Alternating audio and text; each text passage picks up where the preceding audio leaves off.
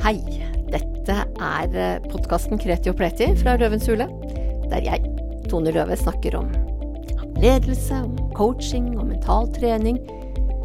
Det kan også være andre ting jeg syns er interessant, og det gjør jeg enten alene med meg sjøl, så kan, det, kan jeg finne på å ha med en gjest som jeg syns er interessant, og som jeg tenker vil være interessant for deg også. I denne episoden snakker jeg om forsetter. Altså, det nærmer seg jo nyttår når denne episoden publiseres, og det er ei tid mange nok tenker gjennom hva de vil gjøre annerledes i det nye året. Ikke sant? Det er litt sånn der blanke ark og fargestifter til, og da er det kan det være en anledning til å tenke gjennom, gjøre en liksom, vareopptelling. Hvordan har da det, dette året vært, og hva ønsker jeg å endre på i det kommende året? Og så er det kanskje veldig mange som har avsverget forsetter som noe tull og fjols som bare ender i skuffelse hver eneste gang. Så får du finne ut av hvem av disse to du er. Det kan være at du, at du faktisk har begge deler, da. Men jeg, jeg er blant dem som tenker at det nye året skal medføre en endring. Altså For meg så er det et nytt år, det er liksom en ny start, det er høye forventninger til det nye året, alle de gode vanene og rutinene jeg skal bygge, som skal ta meg himmelhøyt. Og du er kanskje en av dem som også tenker sånn, og som aldri gir opp håpet om at nettopp kommende år skal bli et feiende flott år, der du klarer å gjennomføre mye av det du ønsker å endre. For sånn har jeg det. Og så går dagene og ukene. Jeg er fremdeles mitt gamle jeg, som ikke er spesielt god på de superrutinene. Heller ikke har jeg endra de gamle vanene som kanskje ikke er spesielt mye å skryte av, og plutselig så har året gått, og et flunkende nytt år står framfor meg igjen. Kanskje noen som kjenner seg igjen i akkurat det. Altså, jeg tenker at disse nyttårsforsettene er um, fine forsøk på å gjennomføre drømmer. Noe som vi ønsker oss som vil gjøre livet til en finere opplevelse, som kan gjøre hverdagene litt enklere å glede seg over. Og jeg er opptatt av drømmer. At vi skal drømme både små og store drømmer om, om, hvordan vi ønsker å ha det, og hva vi ønsker skal skje med oss og våre nærmeste, ja, av og til også med de som er fjernere fra oss også. Altså, det er jo absolutt mulig å drømme at hele verden blir et bedre sted for stadig flere, selv om det er drømmer som vi i liten grad klarer å gjennomføre ved egen hjelp, da. Er, vi har ikke så veldig stor makt til å, eller mulighet til å kunne Eh, gjøre veldig mye for å gjøre verden til et fredeligere sted. Vi kan velge å gjøre noe i vår egen bitte lille krok av verden, i din egen bitte lille krok av eh, Altså som er deg og, og din omgangskrets. Det, det, er faktisk mulig å kunne gjennomføre noe som gjør verden til et litt bedre sted. For deg og for dem. Men uansett om det er eh, litt krevende å kunne ha noen reell innflytelse på de store drømmene, så er det like fullt drømmer som er fine å ha med seg, tenker jeg, da. Men så er det sånn med drømmer. På et eller annet tidspunkt så slutter de fleste av oss å drømme sånne ville og begeistra drømmer om hva vi kan bli, hva vi kan utrette, hvem vi vil være. Altså, nå er det jo ikke alle som har hatt disse ganske storslagne og, ja, kan jo kalle det ubeskjedne drømmer. Det hadde jeg en gang. Altså, de blei for så vidt litt borte på veien, disse gigantomaniske drømmene. Altså, jeg veit ikke helt om gigantomanisk er et ord, men det passer til det jeg drømte om tidligere. fordi jeg ville redde verden, altså. Helt og holdent. Men de fleste av oss, vi tar jo til fornuft. Vi blir fornuftige, rasjonelle vesener som legger gigantomanier bak oss og tar fatt på den virkelige verden. Og det er veldig mye som er bra i den virkelige verden, jeg skal ikke stoppe på det. Og det er også mulig å bringe litt magi inn i virkelighetens verden. Men nå er det uansett drømmer, altså forsetter og drømmer jeg kommer til å snakke om eh, denne gangen. For jeg, altså jeg tenker det er fint å drømme, altså både små og store drømmer. Ha gjerne noen litt heftige og hårete drømmer som Det kan være å skifte jobb, karriere, eller det kan være en jordomseiling, skrive en bok, altså et eller annet sånt ganske stort og heftig. Og så kan det være andre litt mer prosaiske, som for eksempel å drømme om en rolig helg på hytta, eller kanskje bare en ny kjole til jul, eller hva det nå måtte være. Eller så kan det være at du drømmer om å bli en coach som klarer å leve av å være coach. Til deg er det bare å si at du finner lenke til et hefte på nettsida mi der jeg og, og, flere av mine herlige coachkolleger sier noe om det smarteste vi har gjort for å bygge opp egen coachvirksomhet. Men når jeg nå inviterer deg til å drømme mer, til å kjenne etter uh, hva det er du drømmer om, noe mer utover det materialistiske, da, for jeg har inntrykk av at det jo er fort der vi havner når vi som middelaldrende skal drømme litt, altså som sagt en litt finere bil, noen usedvanlig lekre sko eller støvletter, altså det gjør meg litt sånn der lykkelig. Silkelaken, jo da, det drømmer jeg om. Ny salong til stua eller uh, hva nå enn det skal være, kjøkkenet, spisestua, alt det er vel og bra så vil jeg likevel utfordre deg til å kjenne etter hva er det du virkelig lengter etter, innerst inne, det du kanskje har fortrengt at du drømmer om, som å gjøre en forskjell i andre menneskers liv, være betydningsfull på en eller annen måte. For det jeg har erfart gjennom mange samtaler med mange forskjellige mennesker, så er det at når jeg skraper litt, så er det mange som ønsker å være betydningsfull. Og det jeg opplever som utrolig trist i den sammenheng, er at det er så mange som virkelig skammer seg for å si det, som om det er noe skammelig å ønske å være betydningsfullt. Altså, det, det, det, det, er egentlig veldig rart, men her er det jo fornuft og følelser som krasjer igjen, ikke sant? Og de, og de fleste av oss er så innmari godt trena på å skulle gjøre oss små og verdiløse og akkurat dette, skammen over å ønske å være betydningsfull, og en del andre ting, altså hvor vi gjør oss små verdiløse, jeg synes det er så vondt å møte. Og jeg møter det stadig vekk både i andre og ikke minst i meg sjøl. Jeg kan jo være så ærlig som at uh, innrømme at jeg er ganske god på å gjøre meg liten og verdiløs eh, sjøl også, og kjenne på skammen over å, dette ønsket om å være betydningsfull, da, som veldig mange av oss er trent opp, lært opp og trent opp i å skulle skabbe oss over. Og så er det dette med å drømme. En måte å jobbe med drømmer på, det er å gjenkjenne hva du ønsker deg, altså hva er det du drømmer om der lengst inne. Uh, og da kan det egentlig være litt fint med en liten øvelse som jeg tok med meg fra et Tony Robins-seminar. Eller altså, med Tony Robins passer det bedre med happening framfor uh, seminar. Det er ikke så veldig seminarete hos han, altså. Det er amerikansk så det holder, altså der vi skal hoppe og sprette, og det er på nett så vi skal hoppe og sprette i vår egen stue, eller på kontoret vårt, eller på kjøkkenet, eller hvor enn det er vi sitter. Og jeg må jo innrømme at jeg, i, starten tok jeg kraftig avstand fra det. Å, herregud, så håpløst amerikansk. Aldri i verden om jeg skal nedverdige meg til å stå og hoppe på mitt lille kontor. Etter hvert har jeg valgt å kaste hemninger og negativitet, og så har jeg i stedet for å irritere meg, så hiver jeg meg med. Å du, å du, så mye artigere det er. Og det funker som bare det. Jeg blir glad og energisk, og så tenker jeg, da kan det være så fjollete amerikansk det bare vil. Det funker. Men tilbake til øvelsen, eller altså forberedelsene til å skulle drømme. Det å finne fram til lengslene, det er som følger. Altså, det dreier seg om identitet.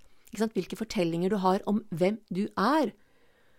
Og her går vi for to motsatte identiteter, altså først til den som begrenser deg, den identiteten som forteller deg alt du ikke kan og ikke kan få til, altså alle disse mønstrene som, som gjør oss små og, og, og, og verdiløse. Hva er karakteristisk for deg når du går inn i den begrensende identiteten din? Det som går igjen uh, blant de som, som uh, Altså i, av hvordan vi er, da, når vi er den identiteten der, at jo, det er gjerne defensiv, trist, følelsen av å være verdiløs, sint, mangler tro på meg sjøl, irritabel, trekker meg tilbake, altså i det hele tatt, det er ikke en spesielt artig identitet eller en identitet som på noen måte bidrar til å drømme disse heftige, hårete drømmene. Den identiteten som spiller alle disse mønstrene som begrenser deg, kan du gjerne gi et navn. Jeg har kalt min Gjørmfrid. Og det er et navn jeg har med meg faktisk fra tidlig ungdom, men jeg liker navnet Gjørmfryd, og det passer veldig godt til den litt begrensende identiteten, i og med at det er mye gjørmebad som følger med den. Altså, og når jeg snakker om gjørmebad, så er det ikke det gjørmebadet som er bra for huden, altså. Det er den uh, hvor du ligger i, i din egen mentale gjørme og, og uh, kanskje ikke spreller engang, men så vidt orker å løfte en finger eller en hånd. Som en sånn seig greie i en seig gjørme. Det er det gjørmebadet jeg tenker på når jeg kaller denne begrensende identiteten min for gjørmfrid. Og så skal vi over, altså når du er ferdig med den eh, identiteten, så altså er det det å finne den andre identiteten, som jeg tenker er den kraftfulle identiteten, som karakteriseres heller ved å være eh, Altså, karakteristikker for den kan være smart og morsom, klok, raus, modig, glad, vennlig, harmonisk, fri, følelse av mening og verdi, takknemlig, trygg osv. Ikke sant? Det er jo, en, en, det er jo tilstander som, som, er kraftfulle, og som er en, også en del av din identitet, vil jeg tenke, men som er viktigere kanskje å hente fram oftere, da. Um, og Selvsagt er Tony Robins og gjengen hans veldig opptatt av hvordan vi skal avinstallisere den begrensende identiteten, altså gjørmfryden min. Så skal vi installere den kraftfulle identiteten. Du kan godt gi den kraftfulle identiteten din navn også. Jeg kaller den rett og slett bare Tone, for jeg har lyst til å, å kombinere den kraftfulle identiteten med navnet mitt, for da tenker jeg at det kan være lettest å integrere den i meg sjøl, da. Det var min smarte måte. Men noen finner andre navn til det som passer. Da må du gjøre det som passer for deg. Om du bruker ditt eget navn, om du finner et navn som gjør at du opplever at du kan tre inn i den kraftfulle identiteten mye lettere. Altså, gjør det som funker for deg. Det er uh, mitt tips. Jeg syns det er et bra tips, egentlig, altså. Um, og hvordan du gjør det, det er jo i korte trekk rett og slett å endre historien du forteller om deg sjøl. Um, og det er uh, Altså, Tony Robins han har jo sagt at uh, 'change your story, change your life'. Det høres like enkelt ut som 'tenk positivt'-greiene, som mange har uh, elsket å, å, hate, for det er jo ikke bare å tenke positivt. Så tenker jeg jo, det er bare å tenke positivt, men å tenke positivt er ikke bare bare. det er krevende. Det trenger mye trening. Men jeg tenker på Tony Robins, så mange kjenner han, han har fått et gurostempel, han er superamerikansk, og han er ekstremt dyktig. Ikke minst utfordrer han det, det trauste norske i meg. Og det trauste norske, det er noe jeg både liker og misliker. Men når jeg er sammen med Tony Robins og hans gjeng, så har jeg valgt å legge traustheten bort. Og det er fordi jeg lærer så uendelig mye mer når jeg hiver meg med og tar fram denne amerikaneren, som jeg kaller det, da, som ligger latent i alle oss, eller kanskje om ikke alle, så de aller, aller fleste av oss. Men liksom kast litt av de hemningene, og så teste ut dersom du syns at det er ubehagelig å skulle hive deg med og være litt begeistra og litt sånn som vi ser på som veldig amerikansk, så kan det hende at når du gjør det, at du får veldig mye mer ut av det. Det er det jeg lærte, og det var spennende læring. Og jeg litt, kan bli litt irritert innimellom, fordi eh, det viser jo bare hvor mye denne traustheten og mye av denne gjørmfride identiteten egentlig har, har ganske kraftig tak eh, i meg. Og det kan være at det er det som gjør at du også kan synes det er litt pinlig å stå og hoppe og danse på kontoret ditt eller i, i stua, som tenker at det skal du nå i hvert fall ikke gjøre. Til deg vil jeg si bare, bare, bare prøv det en gang, og sjekk etter hvordan det føles. Kan være at det er ganske ålreit likevel. Men det som er viktig med disse identitetene, er at når du skal drømme, når du skal finne det du virkelig lengter etter, da er det smart at du kler på deg den kraftfulle identiteten. Så dette er en øvelse du kan bruke litt tid på, altså dette med å finne disse begrensende mønstrene og ta fram de kraftfulle mønstrene dine, og så jobbe litt med å avinstallere, installere, installere. Men i hvert fall, når du da skal drømme, finn fram den kraftfulle identiteten, og gjør det du trenger å gjøre for å finne fram til, uh, til henne. Uh, og når du er i den kraftfulle identiteten, hva drømmer du om da? For da drømmer de fleste av oss om, om noe langt mer enn en ny salong eller en bukse som gir spretne rumpe, eller en antirynkekrem som virker, eller hva det nå enn er. Når vi går inn på hva vi egentlig ønsker oss, lengst der inne i hjertet vårt, da er det sjelden materialismen dukker opp. for da er det som oftest noe som gir mening, som bidrar til at vi utvikler oss, og som utfordrer oss. Aristoteles, Jeg kommer stadig tilbake til Aristoteles, men det var en mann som, som uh, var utrolig viktig der han levde for uh, drøye 2000 år siden. Han delte da lykken inn i to kategorier. Den hedonistiske lykken, det er den altså der det dreier seg om det, det materielle, altså den fine kjolen, antirynkekremen, den spretne rumpa, den flotte nye bilen, eller hva det enn er vi ønsker oss. Selv om vi, veldig mange av oss har trent opp i å føle skam over uh, hedonismen, så er det faktisk uh, mye glede i det materielle også. Jeg kimser ikke av lykkefølelsen jeg får av å kjøpe meg et par nye, lekre sko, eller akkurat den kåpa jeg har ønska meg i flere år. Men det er ikke der jeg finner den varige lykken, da. Det er den, det vi kaller den audemoniske lykken, som bidrar til den mer stabile lykken, da. Eller tilfredsheten, som jeg liker å kalle den. Altså, lykken er, en, er for meg liksom, det jeg kaller en etterlengta gjest, som, som, kommer en gang iblant. Og det er helt fantastisk deilig med den derre sprengende og sprudlende følelsen som, som er lykke for meg, da. Tilfredsheten er liksom hverdagsfølelsene som gjerne legger forholdene til rette for at lykken kan komme på besøk. Og det er faktisk tilfredsheten jeg lengter etter. Kanskje jeg lengter etter lykken, men jeg, men jeg, men jeg vil ha og bygge opp og utvikle denne hverdagslige tilfredsheten. For for meg så er det liksom Lykken er mer som en forelskelse, som jo er deilig og altoppslukende. Tilfredshet blir mer som kjærlighet. Dette den dype eh, kjærligheten ved å elske et annet menneske. Den er roligere, og den varer mye lenger. Og så lever den godt side om side med andre følelser. For denne forelskelsen, altså lykken, for meg så er den så altoppslukende at det er ikke plass til noe annet, og det er litt upraktisk i hverdagen, da, syns jeg. For meg.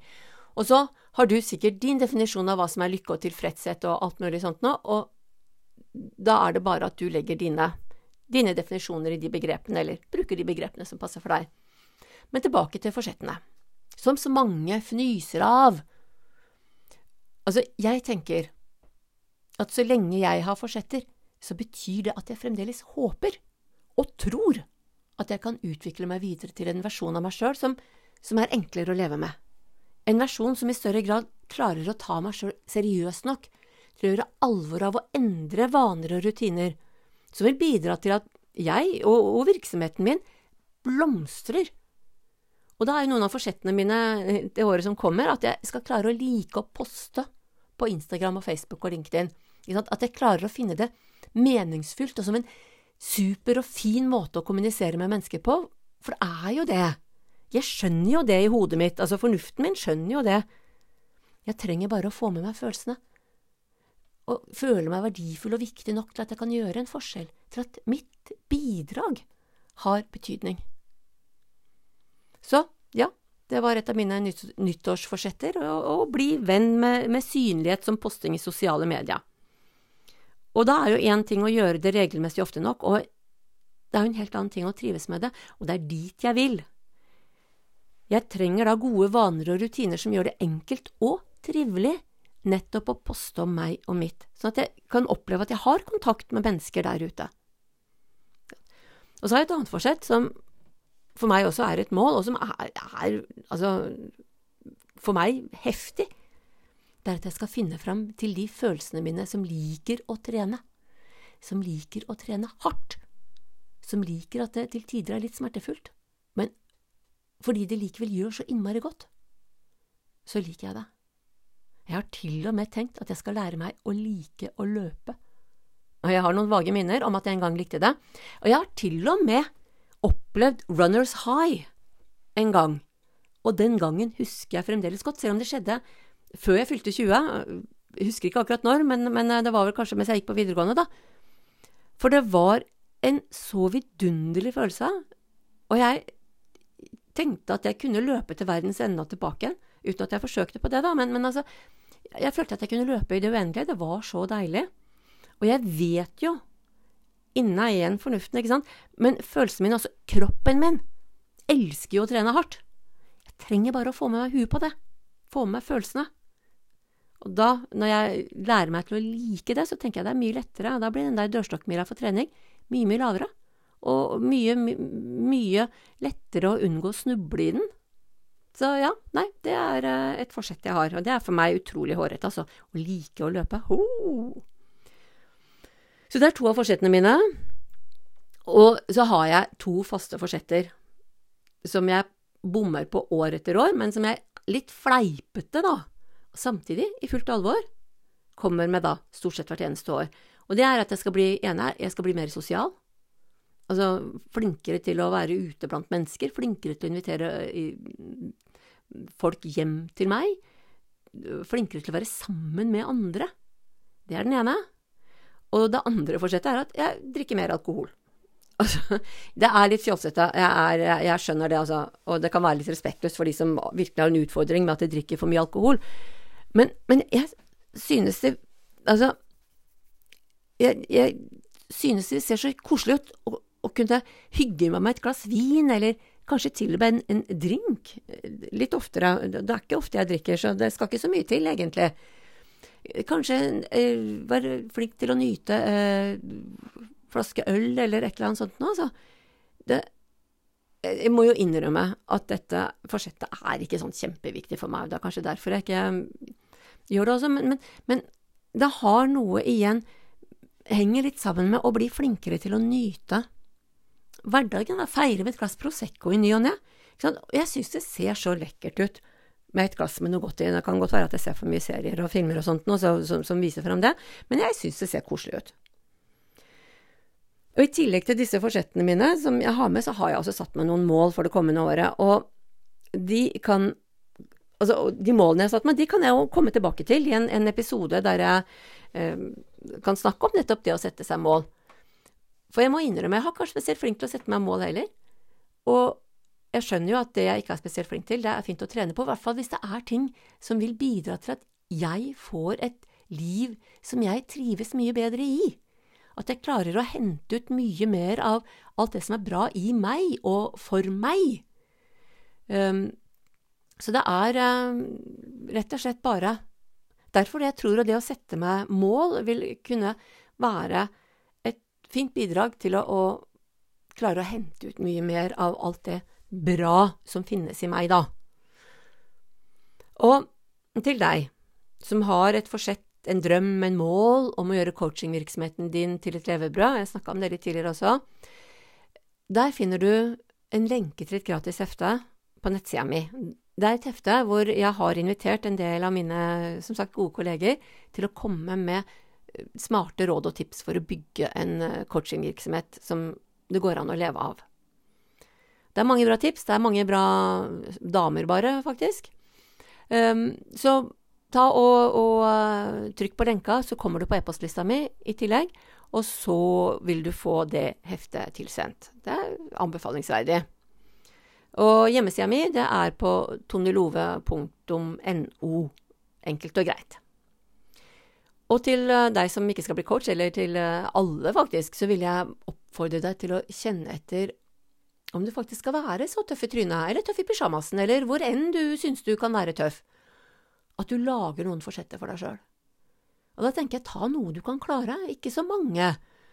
Og så syns jeg at det skal være av en art som vil bidra til at uh, ditt liv blir finere å leve og være i, hva nå enn det er. For det er det bare du som veit. Og så vil jeg ønske deg et aldeles strålende nytt år, og lykke til med forsetter og drømmer og mål. Og så så høres vi av om ikke så altfor lenge igjen. Ha det så lenge.